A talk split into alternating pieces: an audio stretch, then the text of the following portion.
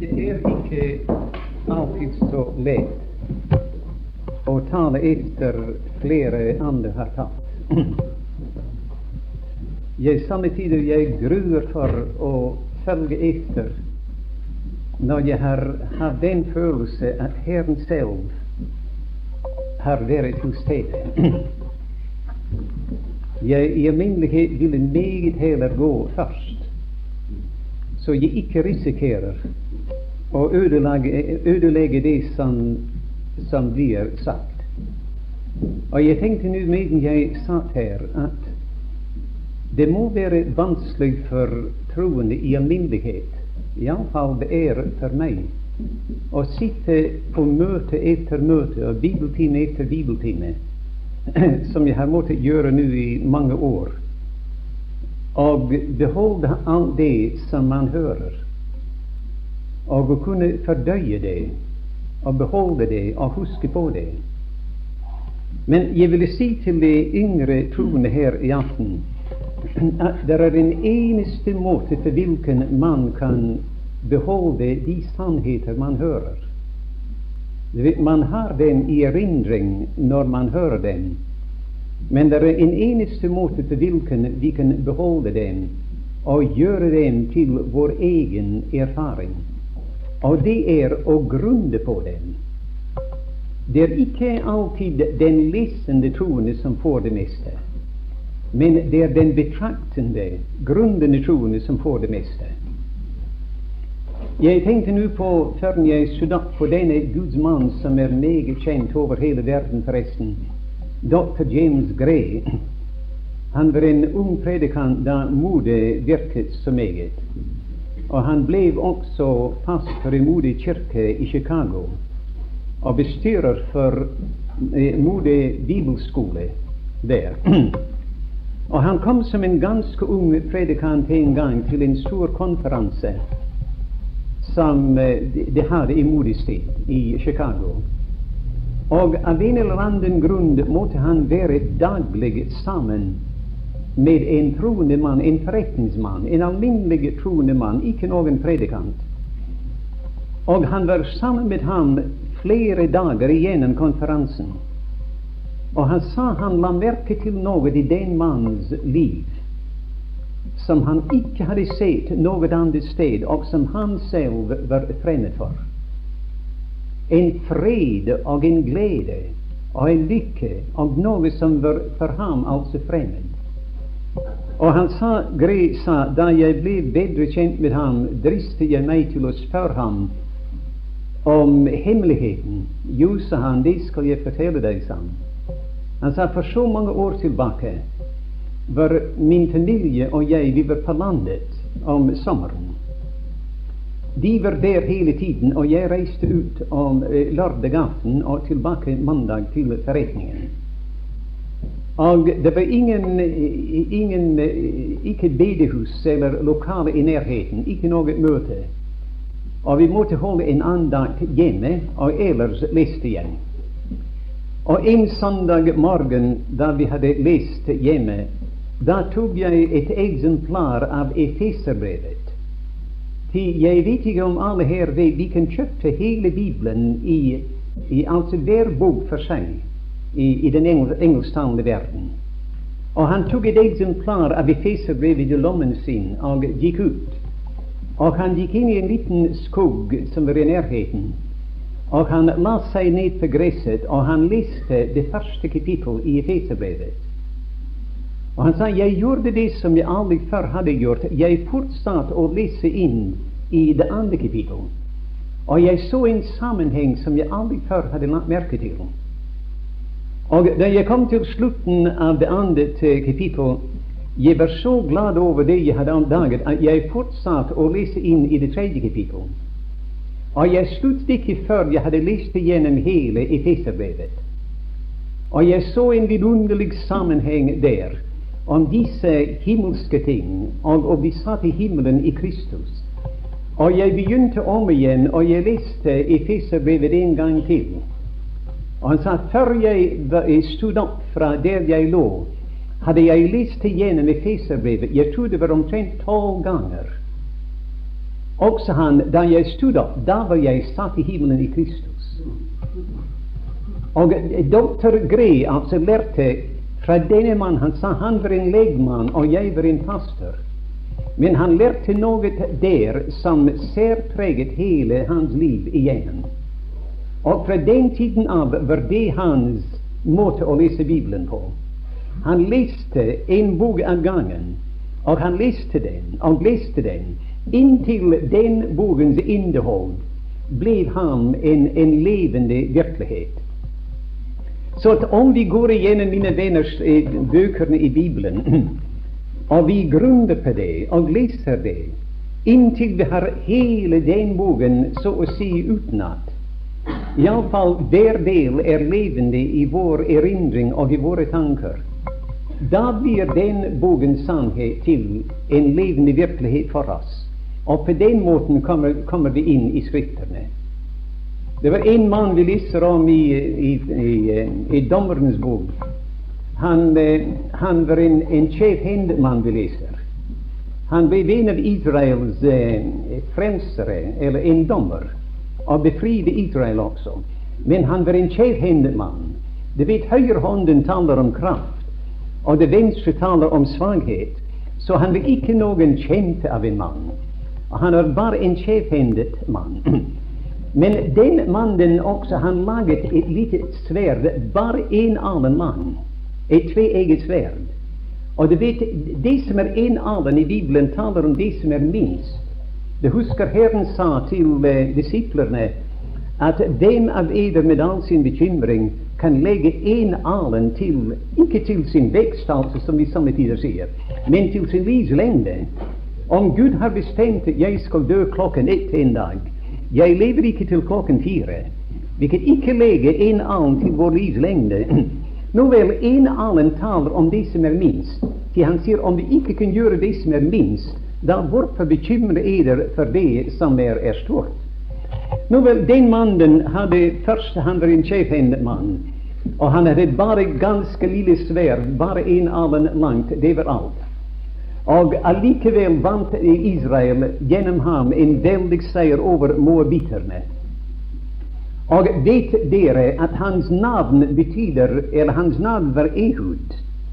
Og det har samme betydning som Juda. Ehud, altså. Det, det betyr glede. Og pris og glede. Men hvor fikk han det navnet fra? Jo, han, han, var avlet av en som heter Gera.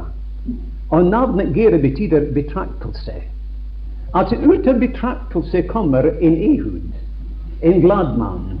Og ut av Ehud, altså, med det lille tveegget sverd, altså Det behøver ikke være en predikant. Det behøver ikke holde store taler eller noe slikt. Og det behøver ikke gjøre noe veldig stort, men du har en liten tekst. Og gjennom den lille teksten overvinner du Moab, som er verden. Jeg skal si der, gi dere et lille tveegget uh, alenlang sverd. Hvem er den som overvinner verden, uten den som tror at Jesus er Kristus, Guds sønn? Der har du et, et av disse små, korte sverd. Og det overvinner verden. Det var, det, var, det jeg tenkte. Jeg tenkte på dere som sitter der, og dere må høre på oss stakkars som står her og taler. Og vi giver eder en hel del sannheter og slik. Men som sagt, det er ikke alltid så lett å ta dem inn og å kunne fordøye dem. Men den kongelige måte til det er, mine venner, å, å grunde på dem. Lese dem og grunde på dem. Jeg kan huske da jeg var en ganske ung mann og arbeidet i en forretning på en del av Skottland der det var full av eh, det var eh, kullgruver rundt omkring. Og det var disse små, typiske kullgruvehuser rundt omkring overalt. Men jeg kan huske man kunne gå forbi et vindu en, en dag, en ettermiddag, og kikke inn gjennom vinduet. Og der så man en, en ung mann liggende på sine kne og foran ham en stor bibel.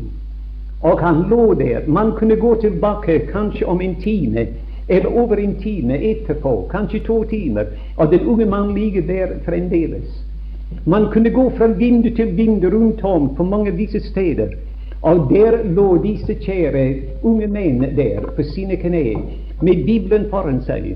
Og om du hadde sett disse bibler samme tider, Du ville ha sett dem våt med vedkommendes tårer. Det ikke merkelig, mine venner, at disse kjære unge menn ble brukt av Herren som tiden gikk. At de ble virkelig altså Guds menn, som det også mange av dem ble. Gud hjelpe oss da når vi går ifra eh, disse møter, at vi går ifra det med denne bevissthet eller denne bestemmelse i våre sjeler. Disse ting som jeg har hørt der, disse ting skal jeg grunde på. Ikke bare lese dem, men grunde på. Og vi grunder på dem, og vi leser dem, og grunder fremdeles på dem, inntil vi blir så vant med det at våre tanker er skrifterne. At vi tenker i Bibelen, altså. Vi tenker i skrifterne. Og da er det ikke lett om du ligger våken om nettene. Da er det ikke, jeg mener ikke vanskelig om du ligger våken om nettene. Ikke vanskelig når det går igjennom sorger og prøvelser, at disse tanker fyller eders sinn og eders hjerter. Gud hjelper oss da til det. Nå, I går leste vi tre steder, de tre største løfter som vi har i Det nye testamentet. Altså Det første var i Johannes 15, eh, og det nest siste vers, at uh, jeg ville sende talsmannen Den hellige ånd. Den andre var i Matteus det 16. kapittel, og vi så der at Herren sa til Peter at uh, du er Peter, og på denne klippet Altså klippene Jeg er den levende Guds sønn. Kristus, den levende Guds sønn. På denne klippet vil jeg bygge min menighet. Og det tredje var i Johannes 14 at uh, i min Faders hus er det mange rom. Og var det ikke så, da hadde jeg sagt til dere. Til jeg går bort for å berede eders sted. Og når jeg går bort og har beredt eders sted, kommer jeg igjen og vil motta eder til meg. Nå, Vi kom ikke så forferdelig langt i går. Vi sluttet med altså slutten av det vi talte over, var at, uh, at vi så at, at hver eneste troende har fått Den hellige ånd til innseil. Han behøver ikke å bede om det eller søke etter det. Men så snart som han hørte sannhetens ord og evangeliet om vår frelse, og da han var kommet til troen, fikk han til innseil Den hellige ånd, som var oss lovet. Og da i det, det neste vers, det 14. vers i samme kapittel, så vi at den samme Hellige Ånd som vi har fått til innseil, er blitt også en pant, et pant på den arv vi er på veien til. Så det ville være meget, meget merkelig om ikke denne velsignede himmelske gjest som bor i oss, meget merkelig, mine venner, om han ikke åpenbarte for oss noe av det som han kjenner så godt. Han kjenner vårt hjem. Han kjenner vår Faders hus. Han vet alt som er i himmelen, og alt som har vært i himmelen, evinnelig. Han kjenner alt sammen. Og det ville være merkelig at han som er givet oss for å være en pant på vår arv, og for å veilede oss inn i de tilkommende ting, som Herren sier i det 16. kapittel, det ville være merkelig, mine venner, om han ikke gjorde det. Og allikevel er det utallige tusener troende. Og det kan tale om f.eks. hva Jesus gjorde i de fire evangelier. Og det kan tale en del som i tider om hva det skal skje når han kommer igjen, men det vet ingenting om himmelen. Og allikevel kristendommen består av himmelske ting. Kristendommen var ikke i de fire evangelier. Og kristendommen eh, tid blir forbi når Herren er kommet. Kristendommen består, mine venner, av at da Kristus kom her til denne verden, verden kjente han ikke. Han gikk til sine egne, og det lukket døren for ham. Den eneste dør i denne verden ble lukket imot ham. Nå vel, sier Faderen, jeg skal åpne min verden. Og han åpnet sin verden, og den verden, sier Herren, der er det rom for meg og rom for dere. Og han skal ta oss der en gang. Vel, det er en av den velsignede Hellige oppgaver. Altså å åpne opp de tilkomne ting for oss. Han er pantet på vår arv. Men vi så, mine venner, også at den, den sannhet som er så meget omtalt i disse dager, og i de siste mange år forresten, altså Den hellige ånds dåp, at den er også den er, den er ikke en erfaring som du og jeg skal søke etter. Det er ikke en velsignelse som du og jeg skal vede om å få. Men det er en velsignet, velsignelse som vi skal takke Gud for, og vi skal tro det. Vi leste den eneste forklaring vi har om ånds dåp, er i det tolvte kapittel og trettende vers i første Korintier, at i en ånd er vi alle døpte til å være ett legeme, hva enten vi er jøder eller grekere, og vi har fått alle sammen en ånd å drikke. Det er betydningen. Altså Guds ånd kom ned på pinsedagen, og han brakte alt som er i kristendommen med seg. Hver eneste ting brakte han med seg, og han dannet et legeme her. Og kristendommen er karet for alle disse velsignelser i verden i dag. Den uh, Guds menighet, altså Kristi legeme. Nå vel, en, det var andre ting som jeg hadde tenkt å lese, men eh, eh, fikk ikke tid til det. Men vi skal lese et vers nå i det femte kapittel i eh, Efeserbrevet. Og vi leser her, eller noen få vers her. Vi leser i det, det 18. vers. Og drikk eder ikke drukne av vin, hvor eder er ryggesløshet, men bli fylt av Ånden. Så I taler til hverandre med salmer og lovsanger og åndelige viser, og synger og leker for Herren i eders hjerter. Nå Les et vers eller to i, i Kolossenserne 3. Kolossenserbrevet til tredje kapittel. Og i det 16. vers Altså det vers jeg begynte med i Efeserne 5, var La Krist, la Kristi ånd bo rikelig i eder, eller drikk eder ikke drukken av vin, hvor eder er ryggesløshet, men bli fylt av Ånden. Nå I disse vers står der i det 16. vers La Kristi ord bo rikelig hos eder. Så I lærer hverandre i, all visdom med salmer og lovsanger og åndelige viser, og synger yndig i eders hjerte for Herren. Og alt hva de gjør i ord eller i, i gjerning, gjør det alt i vår Herres Jesu navn. Det, jeg leser disse to vers av den grunn at den ene, altså det sted i Kolossenserne 3, forklarer en vanskelighet, eller forklare det vi leste fra Efeserne, Efeserne 5.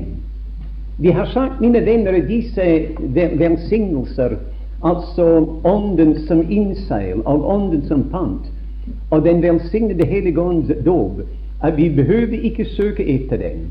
Behøver ikke, Det var ikke vårt ansvar. Det var Kristi ansvar. Det var Han som var ansvarlig for det. Og han gjorde det altså, uten vår hjelp. Uten noen anstrengelse fra vår, side. Men nå åndsfylde, mine venner, er vårt ansvar. Åndsfylde kommer an på oss selv, og det er derfor at det kommer til oss som en formaning, og at vi skal bli fylt av Ånden. Så det, altså det som vi leste i det femte kapittel i Efeserbrevet nå, vi leser ord for ord, det samme ordet, altså, i det tredje kapittel i Kolossenserbrevet. Og vi leser der at vi skal være, vi skal synge indige våre hjerter for Herren. Og vi skal formane hverandre med salmer og lovsanger. Og siden, om du leser videre og sammenligner disse to steder, skulle finne at det er akkurat nesten ord for ord den samme, med den unntagelse at i Efeserbrevet er det at det er en følge av at vi er fylt av Den hellige ånd. I Kolossenserbrevet er det en følge av at Kristi ord bor rikelig i oss. Den alminnelige mening er iblant de troende Jeg hadde den mening i mange, mange år at å bli fylt av Den hellige ånd, det tilhørte altså ikke slik alminnelige Luther alminnelige troen som jeg var. Det, det tilhørte disse større størrelser i verden. De store gudsmenn, store predikanter og andre. Medens, mine venner, det er, det er, Guds vilje og Guds mening at vi alle sammen skal være fylt av Den hellige ånd. Det burde være vår, vår alminnelige, vår, vår, daglige erfaring å bli fylt med Den hellige ånd. Og hvordan skal vi da bli fylt av Ånden? Vi behøver ikke, mine venner, bøye oss ned og bede om det. Gud sier 'Jeg har gitt deg anvisninger til det'. Og anvisningen er det, mine venner, som vi begynte med å nevne i dag, uh, i, aften nå, At der om du er på dine kne der, om du sier Guds ord er mer dyrebar for meg enn noe annet, mer dyrebar for meg enn dag, dagens aviser og familiebladene og alle mulige slags stoff som går omkring i disse dager. Og Guds ord er min mat. Guds ord skal være mitt alt. Det var Guds ord som fylte min Herre hjerte da han var her. Og han leste det, og leste det i stillhet og det var rikelig i ham. Nå skal det ord være rikelig i meg. Jeg skal drikke det inn, jeg skal være på mine kne, jeg skal dele over det. Og disse steder som jeg ikke forstår, jeg skal bede til Herren og si til Herren, Herre, jeg skal ikke gå ifra det før du åpner det opp for meg. Jeg skal ikke slutte med å be om det før du giver meg en åpenbarelse av betydningen av dette ord her som jeg leser. Og vær sikker på, mine venner, han skal gjøre det. Og hvorfor er det, mine venner, at vi kjenner så lite? Hvorfor er vi så fattige i alminnelighet, i åndelig kunnskap? Så det er fordi vi ikke setter pris på det. Gud giver aldri sine skatter til dem som ikke setter pris på dem. Han sier 'jeg skal gi deg, men først skal jeg vite om du setter pris på den'. Nå vel, det er den vår, vår, tilstand. Det burde være alles tilstand som er her i aften, som er troende, at vi fylt av den velsignede Hellige Ånd. Og tegnet på en gudfylt mann er at han taler om Kristus, at han taler Guds ord. Og siden når vi er i, i våre egne private liv, vi synger indige våre hjerter for Herren. Når vi er blant det hellige, nå vel, vi taler og synger lovsanger for å glede dem. Og når vi kommer inn i familien, nå vel, vi underkaster oss mann, hustruen og hustruen mann. Og disse ting bringer for dagen hva vi er. Det bringer for dagen altså at den velsignede Hellige Ånd fyller oss. Men ah, mine venner, og det var det jeg tenkte særlig på nå det er så forferdelig mange hindringer til det.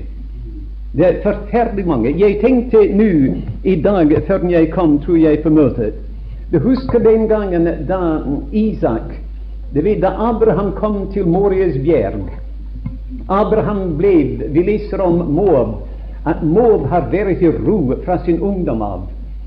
Han hviler på sin berme og er ikke blitt tappet om fra kar til kar. Altså der i Jeremies 48. Altså Han var ikke noen pilegrim. Han var der, hvilede på sin verne, Altså Det er en illustrasjon om hvordan man lager vin. Det blir tappet om fra kar til kar. Det første kar, altså, da senker vermen til bunns, og vinen blir forsiktig tappet om et annet kar.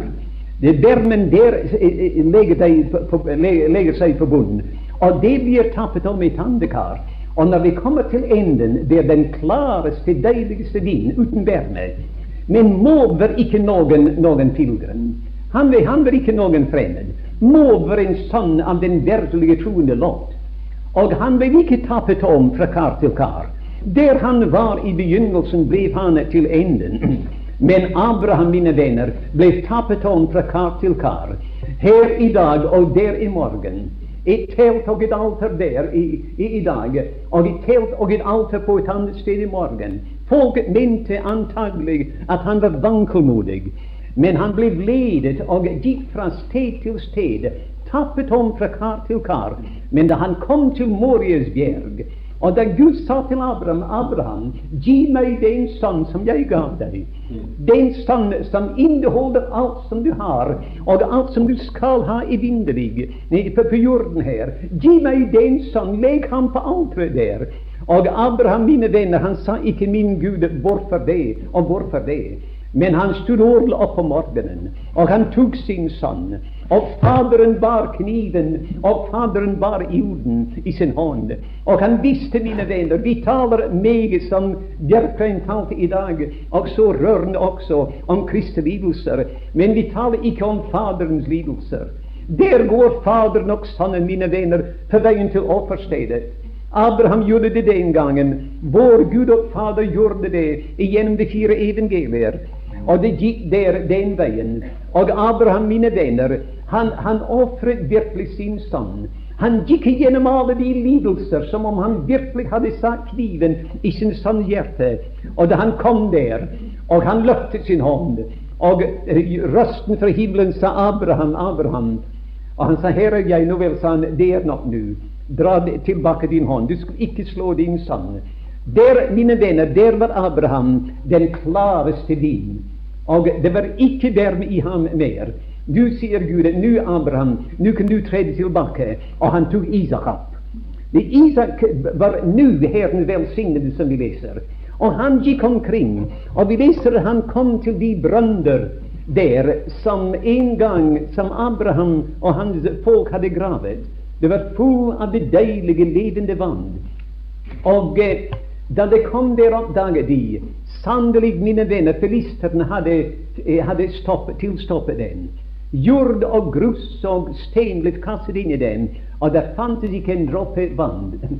Nå, Filisterne er simpelthen et bilde. Du vet alle disse fiender den gangen er, har sitt motstykke i dag. Amalek er kjøret, som vi vet. Men hvem var filisterne?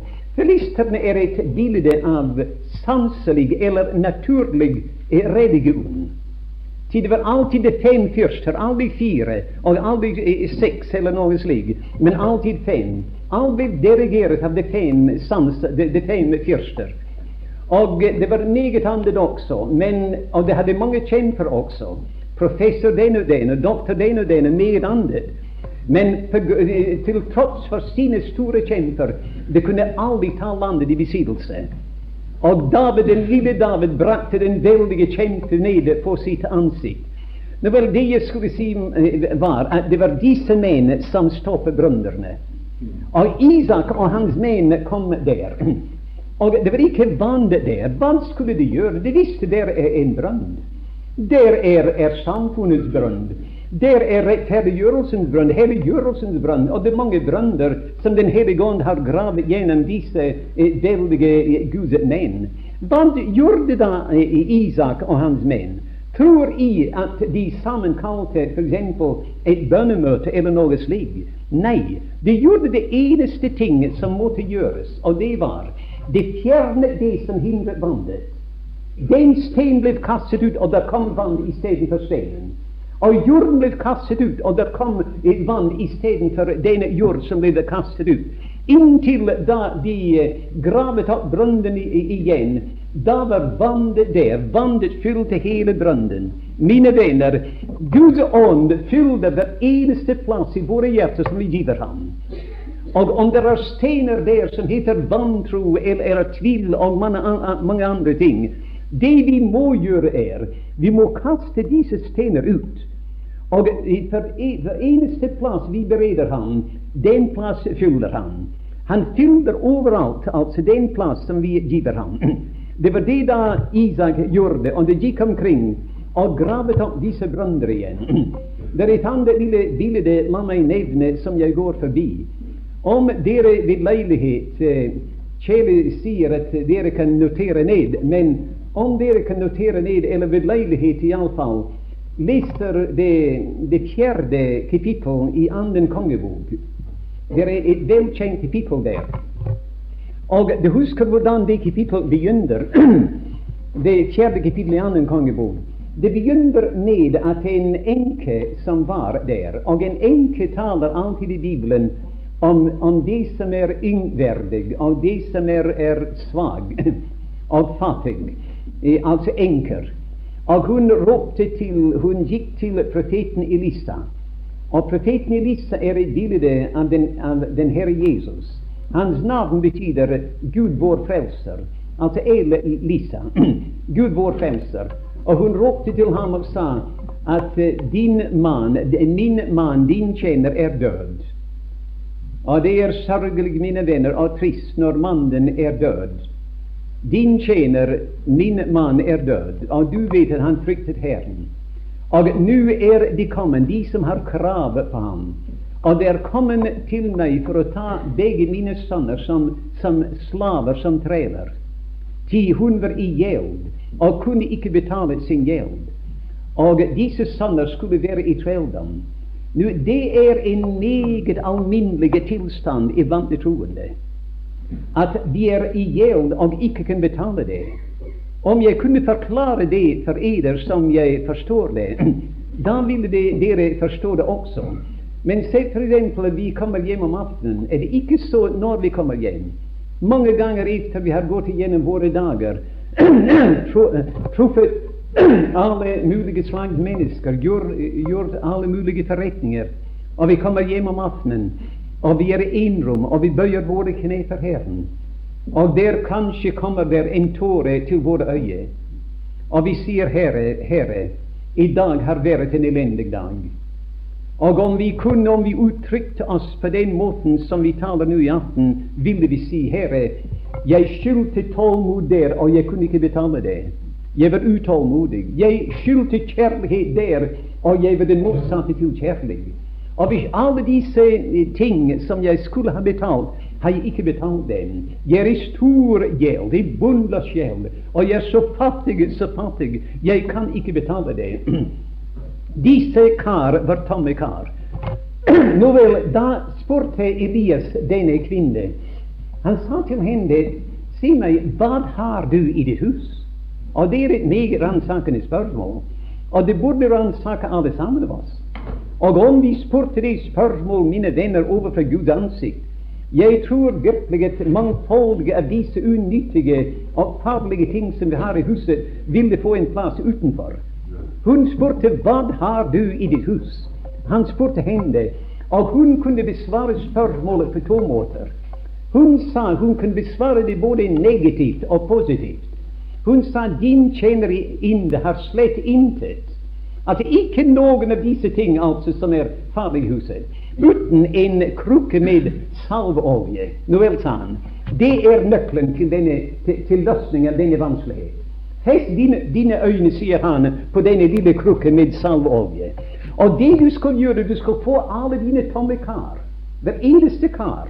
Om du kaller det for tålmodighetens kar, langmodighetens kar, kjærlighetens kar, ydmykhetens kar og det andre kar, og du skal ta dem inn i ditt landkammer.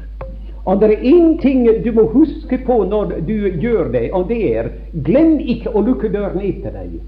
Det er det som ødelegger våre bønnestunder. Vi glemmer å lukke døren etter oss. Jeg leste eller hørte om en mann som gikk inn i en av disse telefonkiosker på en meget trafikkert stasjon. Og der gikk det hundrevis av folk forbi, og det var en egen larm og støy. Og han fikk nummeret, og han fikk sin venn som han ringte til. Men eh, han sa ikke, ikke noe annet i telefonen. 'Jeg hører det ikke. Jeg hører det ikke.' Det var alt som han kunne få frem. Og hans venn ble ergerlig og ropte tilbake 'Om du lukker døren, skal du høre meg.' Og det var det som han trengte til å gjøre. Og Herren sa i det sjette kapittel i Matteusevangeliet at når du beder til din Fader i, i, i London, og som ser i London, da gå inn i London og lukk døren etter deg, og be til din Fader som ser i London. Og din Fader som ser i London, skal eh, belønne deg eh, i det åpenbare. Når du kommer inn i forsamlingen, da skal skal folket si den mann har vært alene med Gud. Eller den kvinne har vært i samfunn med Gud. Han skal belønne deg i det åpenbare. Når denne kvinne da skulle låne disse tomme kar, og hun skulle ta dem inn i lønnkammeret og lukke døren etter seg med sine to sønner. Og hun skulle bruke den lille, den lille krukken med salveolje. Nå, Jeg behøver ikke si til eder som er her i aften, at oljen i Bibelen og salveoljen er alltid et bilde av Den hellige ånd. Og den lille olje, krukke olje som hun hadde der, salveolje, det, det var simpelthen uuttømmelig. Hun fylte hver eneste kar som var. Og det hjalp ingenting om karet hadde vært så stort som dette eh, lokalet her i dag. Det, det, den krukken med salveolje var uuttømmelig. Og hun fylte alle kar og bad om flere kar da, da, da det ikke var noen tilbake. Mine venner, du og jeg eier, som jeg har hørt, den velsignede Hellige Ånd. Og jeg håper ingen av oss som er troende her i dag, tviler på det.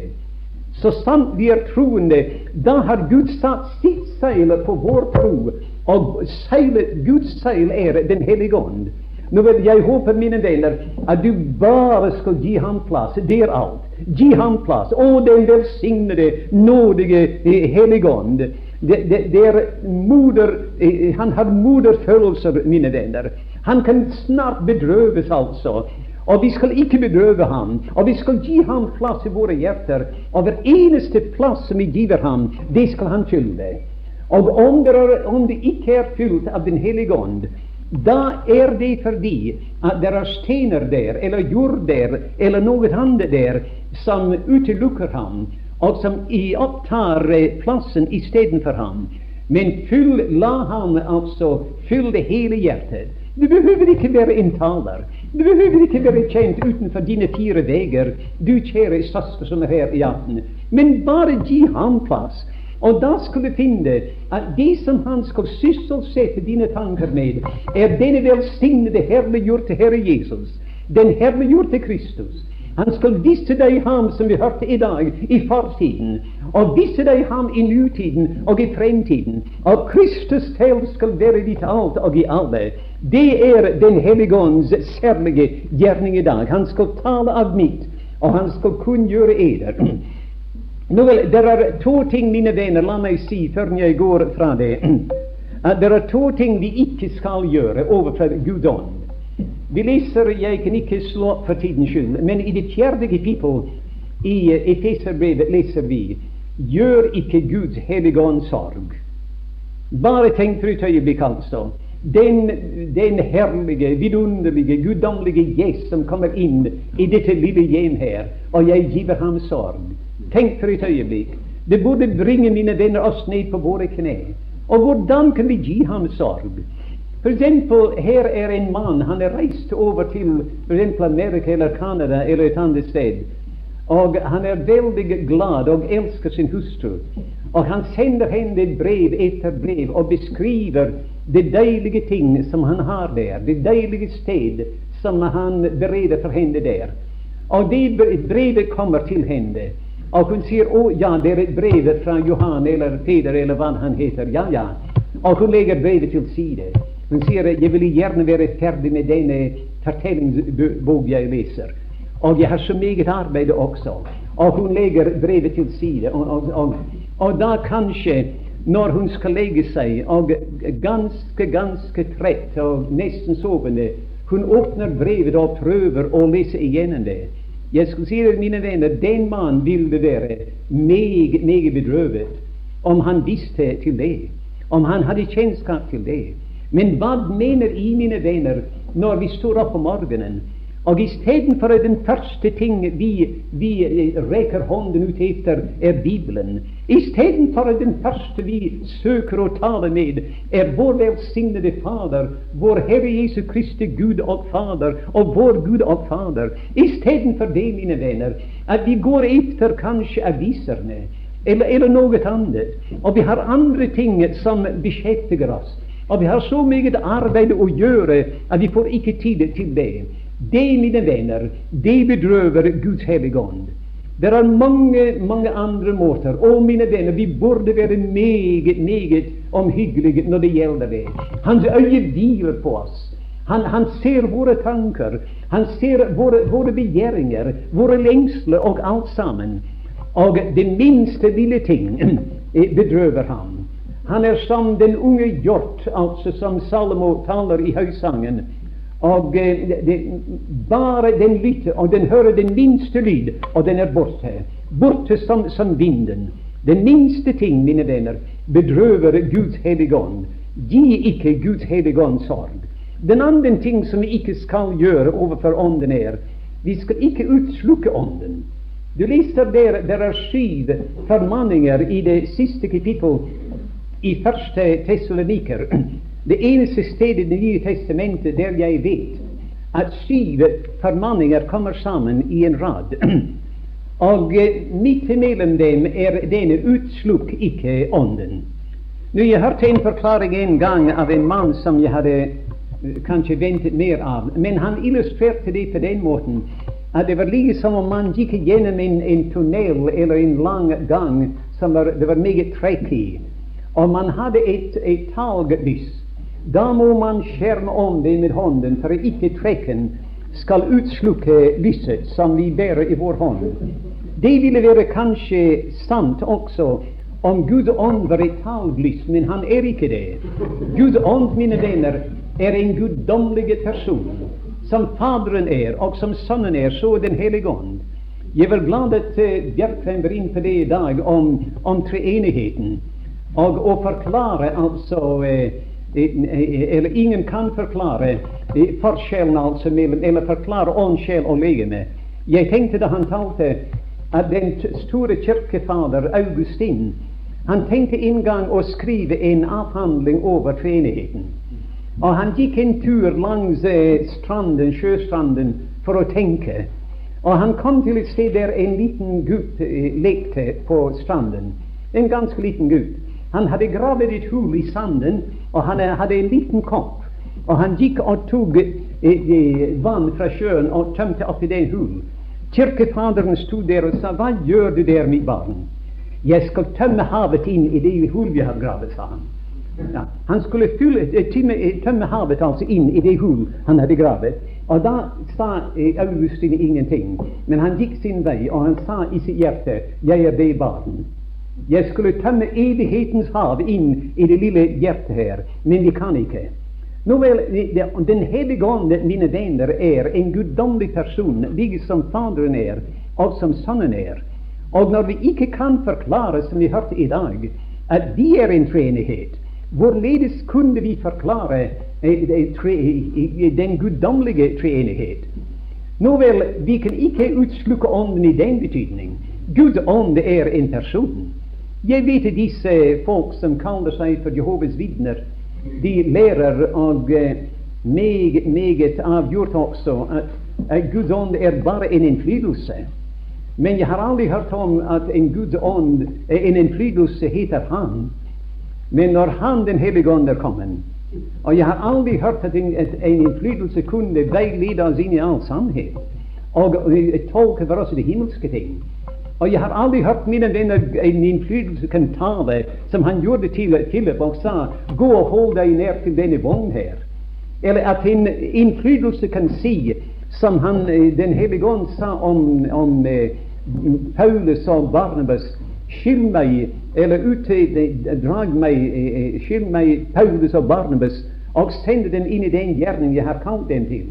Guds ånd, mine venner, taler, og, og, og, og Guds ånd lærer. Guds ånd underviser. Guds ånd reiser oss. Guds ånd er en person. Hvordan da kan han bli utslukt? Altså når vi bedrøver Guds ånd, det gjelder meg personlig og deg personlig. Ved at vi tenker urene tanker, eller leser ting som ikke er i, i samfunn med ham, da bedrøver vi Guds hellige ånd. Men se eksempel at vi er en forsamling. Her er en skare av troende, og jeg er en av dem som er der. Den ene broder oppgiver en sang, og den sangen griper hele forsamlingen. Det er så grepen at en annen broder står opp og beder en, en bønn som er i linje med den sangen, og man merker at Gud ånd leder. Og så grepet er en annen broder som kjenner Bibelen godt, at, at han står opp og han leser noe som er nettopp i forbindelse med det. Og man kan merke som tiden går, at det går én ånd gjennom hele forsamlingen, hele møtet. Og da plutselig sier jeg Det er en sang som jeg er veldig glad i, og jeg tror vi synger den. Og vi, jeg avgiver en, en sang og som ingen forbindelse har med, med møtet. Ingen forbindelse har med disse sannheter som er kommet frem. Det var kanskje en pen sang, men har ingenting med disse ting å gjøre. Disse brødre talte kanskje om det himmelske ting. Jeg talte bare om kanskje jordiske erfaringer eller noe slikt. Og øyeblikkelig merker man at Gud ånd er utslukt. Men er det en forstandig broder der eh, som, som ser det, og en åndelig sinnet broder, han kan stå opp og på sin egen måte, altså, han kan gjenopprette forbindelsen igjen. Så det blir ikke lenger utslukt. Men Gud hjelper oss, mine venner, til å være meget, meget omhyggelig. Nå, der min tid er gått igjen, og jeg hadde tenkt ja. Men la meg bare til Jeg hadde ikke tenkt å komme tilbake til disse tre løfter eh, mer nå. Men la meg si at i det, i det 16. kapittel da i, i uh, Matteus evangelium det, Vi leste det i går. Herren sa er, La meg si at det er uh, Det kapittel er meget, meget viktig. Og særlig viktig på grunn av at fire av de viktigste sannheter i Det nye testamentet er omtalt i det for første gang. Vi leser der i det, i det ja, det, det 16. kapittel og i det, i det 23. vers. Det, ja, det, det, det 13. vers. Og da Jesus var kommet til landet ved Cesarea Filippe, spurte han sine disipler og sa, hvem sier folk at, at menneskesonnen er? Nå, Han sier ikke hvem sier folk at Kristus er, men at menneskesonnen er.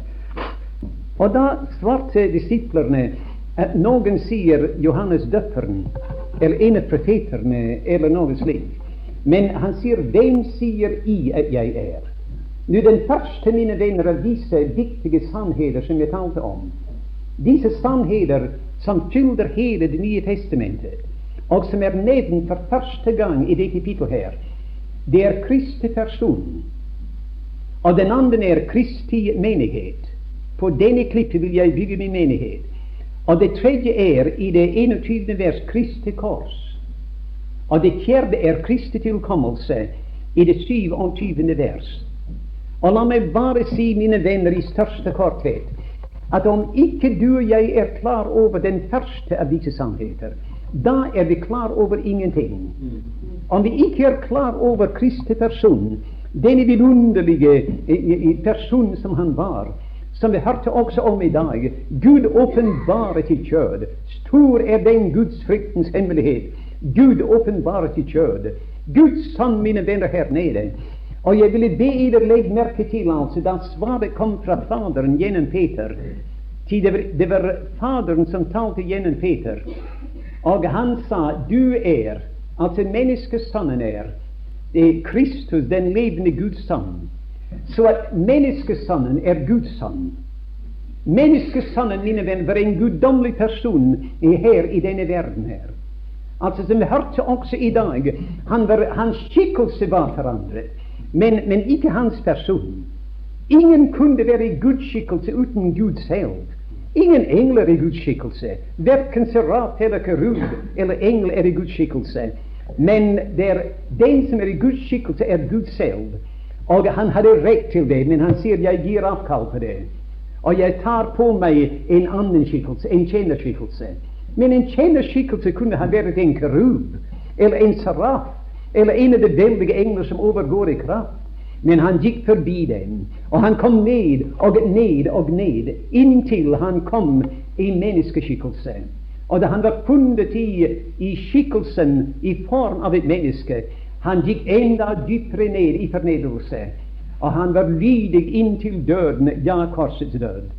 Når vi finner her, mine venner, at denne velsignede personen Mennesker sa den gangen han er en, en profet, og han er kanskje Johannes døperen, og han er en av de gamle profeter. Men Faderen til himmelen sa at han er Kristus, den levende Guds sønn. Han talte det først gjennom Peter, og i det neste kapittel Det var ikke nok at han sa det gjennom Peter, men i det neste kapittel kom røsten fra selve himmelen. Det aller siste ord som Gud talte lydelig fra himmelen var Det er min sønn den elskede, hør ham. Og aldri har han skrevet siden den tiden et annet ord. Alle disse villfarelser, mine venner, som det er i dag. Du kan gå over alle sammen om dem om du vil, og gå tilbake til deres opprinnelse, og du skal finne at alle sammen av dem, av deres grunnleggere, hadde fått et syn, en åpenbarelse eller noe slikt som ingen annen vet noe om. Og de kommer og de sier ja, på grunn av det, altså. Det her er himmelsk og, og guddommelig. Mine venner, det gjør seg skyldig i å legge til, eller kanskje å ta fra det som ellers er skrevet. Det aller siste ord som Gud talte, er talt. Kristus var den siste taler. Den våger å tale etter Kristus? Gud talte mange ganger fordom dem gjennom, på mange måter gjennom profeterne. Nå har han talt i disse, eller den siste av disse dager i sammen. I sammen. Og da advarer han oss. Han sa da gi akt på hva han sa. Til om ikke de slapp fri som ikke aktede hva englene talte, hvor meget mer så nu hva Sønnen taler. Nei, mine venner, Guds sønn er den siste taler. Han taler Guds siste ord.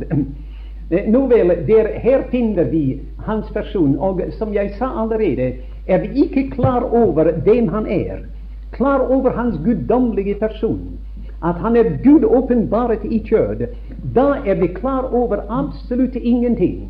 Og vi er ikke troende heller når vi, ikke, når vi benekter Guds velsignede sak. Du sier ja, men det er så mange vers i Bibelen som, ligger, som tyder på at han ikke var det. Jeg kjenner ikke disse vers. Og jeg skal si dere at jeg har lest min bibel før jeg var 20 år gammel. Hadde jeg lest igjennom Bibelen fem ganger. Og siden den tiden har jeg ikke talt på det. Men jeg kunne stå her, mine venner, i aften, kanskje en times tid lenger, og sitere vers etter vers der Gud som er nevnt som Gud som en guddommelig person. Eksempel i, i, i, i Isaias det niende kapittel. Vi leser der at et barn er oss født, og en sønn er oss given, og fyrstendømmet er på hans skulder, og man, hans navn er under, rådgiver, veldige Gud, evighetsfader, fredsfyrste. Hvem er det, mine venner? Og spør deg spørsmål er å, å, å, å besvare det. Vi leser i det siste eh, kapittel i 1. Eh, Johannes. Det står der at eh, han er kommet, og Gud har, har givet oss skjønn å forstå det hellige. Og La meg lese det i vers så at dere får det ganske uten blanding fra min side. I det siste kapittel i 1. Johannes, Johannes første brev, og vi leser der i det, i det Johannes første brev. Jeg har en gammel bibel her som er Ja, Johannes første brev av det femte kapittel. Og vi leser i det tyvende vers. Men vi vet at Guds sønn er kommet. Og han har givet oss skjønn, at vi skal kjenne den sande. Og er i den sande, i Hans Sønn Jesus Kristus. Denne er den sanne Gud og det evige liv. Altså Ord kan ikke være klarere enn det. Og da, da slutter apostelen med å si mine barn, vårt er det for avguderne. Nå, Han mener ikke disse stygge avguder som vi kjenner til, stein og jern og slik, og, og disse ting. Men hva han mener, er at det er den sanne Gud og det evige liv og noen annen forestilling om Gud som ikke er åpenbart til Kristus, er en avgud. Ja. Så at vi skal passe oss, mine venner, for disse, disse anden Jesuser og andre ånder som er kommet i disse dager. Og Gud hjelpe oss til å være klar, mine venner, over Kristi velsignede person. Den andre var kristen menighet, og på denne klippet vil jeg bygge min menighet. Og dødrikets porter skal ikke få makt over den. Menigheten, mine venner, skal være menigheten evinnelig. Hver eneste system i denne verden, når det kommer til graven, det forsvinner. Døden får makt over den. Og bak død og grav, alle disse systemer, det er bare mennesker. Bare mennesker. Men menigheten er menigheten nå, og skal være menigheten evinnelig. Og menighetens oppgave er Vi leser i det, det, to, det siste vers i Efeserne 1.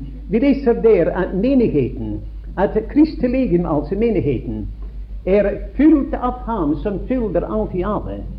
Men skjønn, den oversettelse er godt. Den rette oversettelse er at menigheten er Hans fylde. Hans fylde som fyller alt og i alle. Det er som en, en, en roseknopp. Og der ser man den store, deilige knopp. Skjønn, det er ikke så megen skjønnhet å se. Men se på den altså etter den har fått en del sol og luft og vann og slik. Se den kanskje et par dager etterpå, og da ser man den i all sin fylde, full av skjønnhet og, og den herlige duft, og, og fullkommenhet på alle mulige måter. Det er noenlunde tanke. Eller la meg gi deg en fra Gudord, mine venner. Gå til åpenbaringens 21. kapittel. Og der skulle finne den stad som kommer ned fra himmelen, som har Guds herlighet. Det er den første ting som er talt om den.